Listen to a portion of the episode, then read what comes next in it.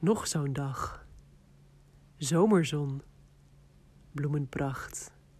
De wind, die fluistert zacht.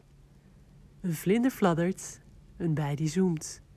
Vogels schuilen onder het groen. Zullen we morgen nog zo'n dagje doen?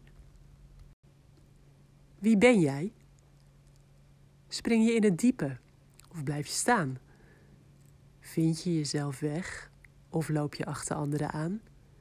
Wie ben jij? Wie wil je zijn?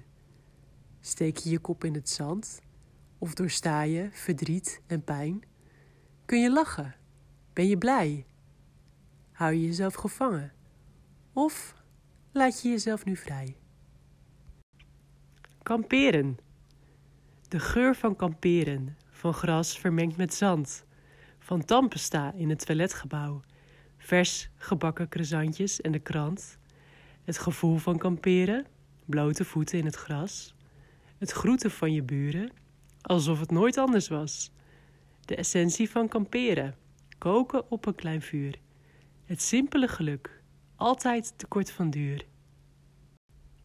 De engel in mijn hoofd denkt dat hij geen engel is. En misschien is een engel zonder vleugels ook wel geen engel, maar een wondervis.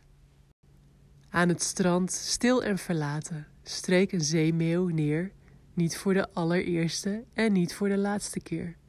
Voor hij zijn vleugels weer spreidt om zijn weg te volgen, raakt zijn doel nooit kwijt.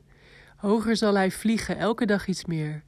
Doorzetten, verder gaan, al doen zijn vleugels soms zeer. Want boven is het mooie zoveel mooier dan je denkt. Waar liefde energie is en alles vreugde schenkt. Waar de pijn is opgelost in een tijdloos bestaan, waarvan je nu alleen dromen kunt, tot het tijd is om te gaan.